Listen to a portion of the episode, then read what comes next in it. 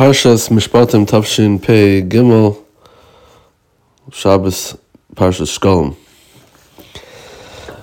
In the end of the parsha, there is a part of the parsha that's not so widely focused on, um, because probably for several reasons, but probably the, the main reason I can, at least that I can think of, is probably because the bulk of the parsha is made up of so many mitzvahs and there's so much going on. The you know most of Shulchan Aruch Mishpat is based off of this parsha, and at the end of the parsha, there's some things that happened that um, that we may you know skim past if you don't focus on them.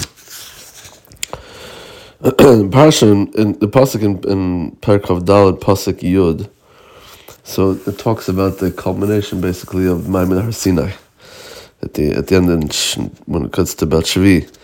And in Pasuk Yud, it says, um, very subtle, there's a Pasuk there that tells you, um, it doesn't tell you much, but if you look in Rashi, look in Mefarshim, the Chazal, you see that in this small little episode, seemingly, there was a a massive um, tragedy came out of this.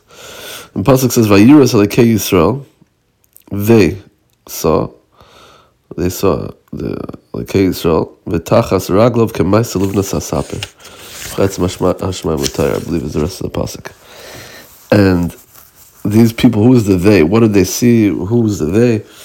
So Chazal say that this is talking about Nadav Avihu.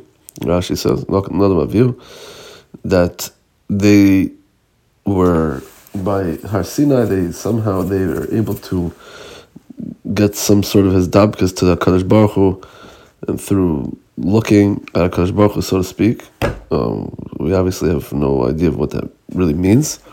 Can't really understand what that means, but they were able to sort of look get some sort of vision of Kadosh Baruch Hu that was um, inappropriate for them to do, and what they saw was that under HaKadosh Baruch Hu's Tachas Raglov, so to speak, of HaKadosh Baruch Hu, was this um, a brick of Livnas Asapir of sapphire,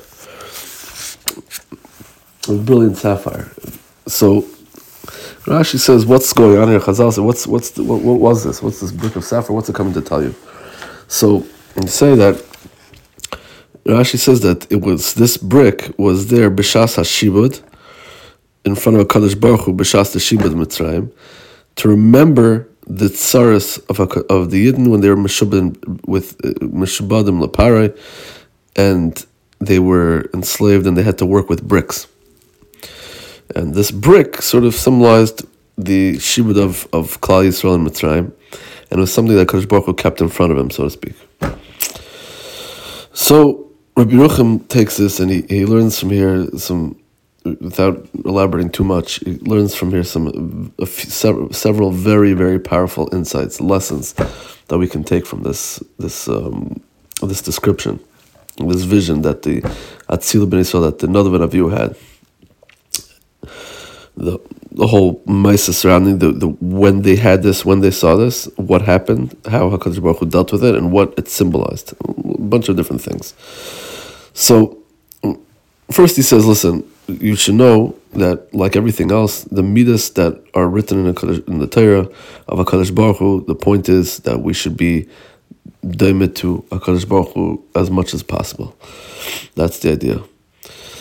And whatever midas Hakadosh Baruch Hu displays, we have to be misdabik in them to to the best of our ability. Now, when Hakadosh Baruch Hu is noisa ba'el, like we see, he puts a brick in front of him. He carried a brick under him of, of to be masker the shibud. So we see we have no idea how, what that means. Like Hakadosh Baruch Hu had that in front of him, meaning it's not just that you know when when when you're being nosei b'ol el bechaver, someone's going through a hard time. So we yeah okay we you know we sigh and we move on, but here they there's hisbonenus here that that happened that that that's not enough that we just you know nod our heads and, give a krechts. It's there's hisbonenus that has to take place here, And he says, and what do you need hisbonenus for? What, what, what was there hisbonenus? Why was there, right? What, what do you need uh, hisbonenus? How do you, why do you have to be, to delve and, and to, you know, to ponder the tsar of another yid in order to be nosei b'ol him? You find it, Moshe Rabbeinu saw the, the, the tsars of Klaisa by the Shibud, and Rashi says, Nasan Eina Valiba Lias Meitzar Right, he's Eina Valiba, Nasan Eina Valiba. He, he he put his eyes and his heart, meaning he was nosei b'ol to an incredible extent. So what's the pshat? Why do you have to be bizbainin to, right? You know, as you think about a sugya, you think about someone's tsars to that degree. Also, what's the pshat? So he says that if you want to really be able to to to feel someone else's yisurim, you have to be mizbainin, and otherwise to just see it and to give a krachs, you know, uh, you didn't see anything, you didn't do anything. You're it's a sheker b'chazav, right? It's not it's not enough that you just uh, nodded your head. And the way to really be nosei b'ol is to be mizbainin.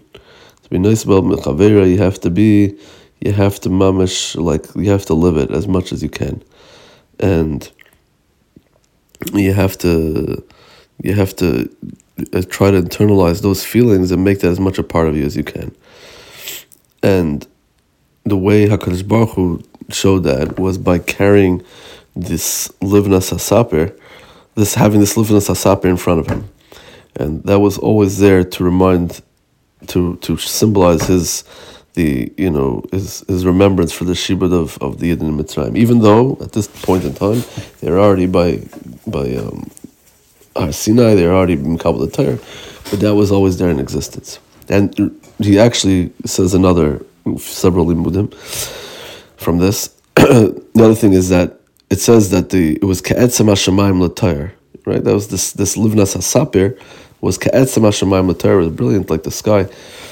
So Rashi says, Mishanigalu haya'ar v'chedv When they were redeemed from Mitzrayim, ar v'chedv There was light and there was incredible, sublime joy, happiness in front of him.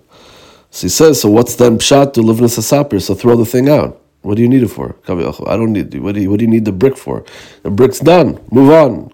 You know, Baruch Shepatanu, because Baruch took us out of Mitzrayim. What do you need it for? It doesn't work like that, he says.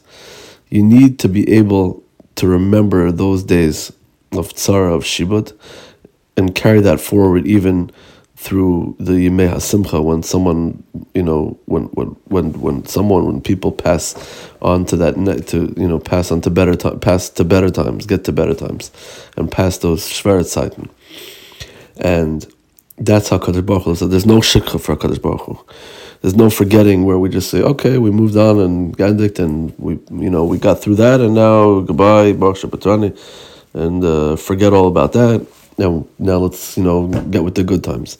Doesn't work like that. Not that it should depress us, not that it should get us down, but it should always be there as a remembrance of what, where we were, what what it was like, and for many reasons. One of them is so that we can always remember how what it feels like, so that if other people go through something, something similar or somewhat similar, then we should remember what it's like. That's something to always carry with us someone goes through a tsar, someone goes through a whatever it is, they have to remember that they, you know, what that was like and how they can react and act to to their fellow friends, the fellow fellow yidden, and be nosei b'ol.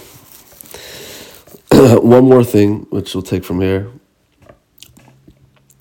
He says another beautiful limud. He says that in this episode that happened with Nadav and Avihu, so you can't you can't um you can't let that tsar get in the way of simcha also. So there's it's somewhat of a seemingly it's somewhat of a steer to what we just said, but it's it's not really.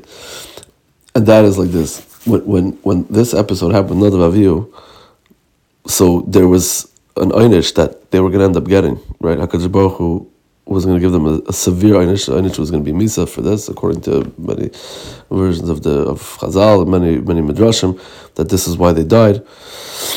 um, much later, but when it came to the uh, to the beginning of the Mishkan, but Hashem waited, and not only that, Hakadosh Baruch Hu was was was sameach with Klal Yisrael at this time, at the end of Har Sinai, at the end of the Ma'amad Har Sinai, and despite knowing that there's going to be a big tsar coming from this, there's going to be a Mises Nadav and Avihu, but he didn't let that, so to speak, he didn't let that get in the way.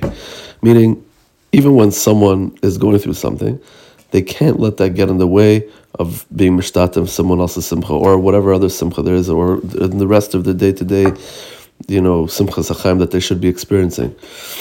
That you have to be, you have to, you have to be able to to separate the two, and when it comes to being with with someone else's simcha, you can't let those thoughts and those feelings deter your your uh, your shituf in and and and your friend Simcha, and it's to such an extent that even though the tragedy that would end up coming out from this was was quite severe, was extremely severe, the Mises Nadav Naviu, but because Baruch didn't let that get in the way, and it's an amazing koch to be able to divide to to you know to split those two hergeshim and to be able to live with those uh, side by side, where you could be misamech with someone to the full extent, and also there's there's uh, be nosei b'ol with someone else, or to for someone to have rachmalans on their own side. Can't let you can't let that get that get that get in the way as hard as that is.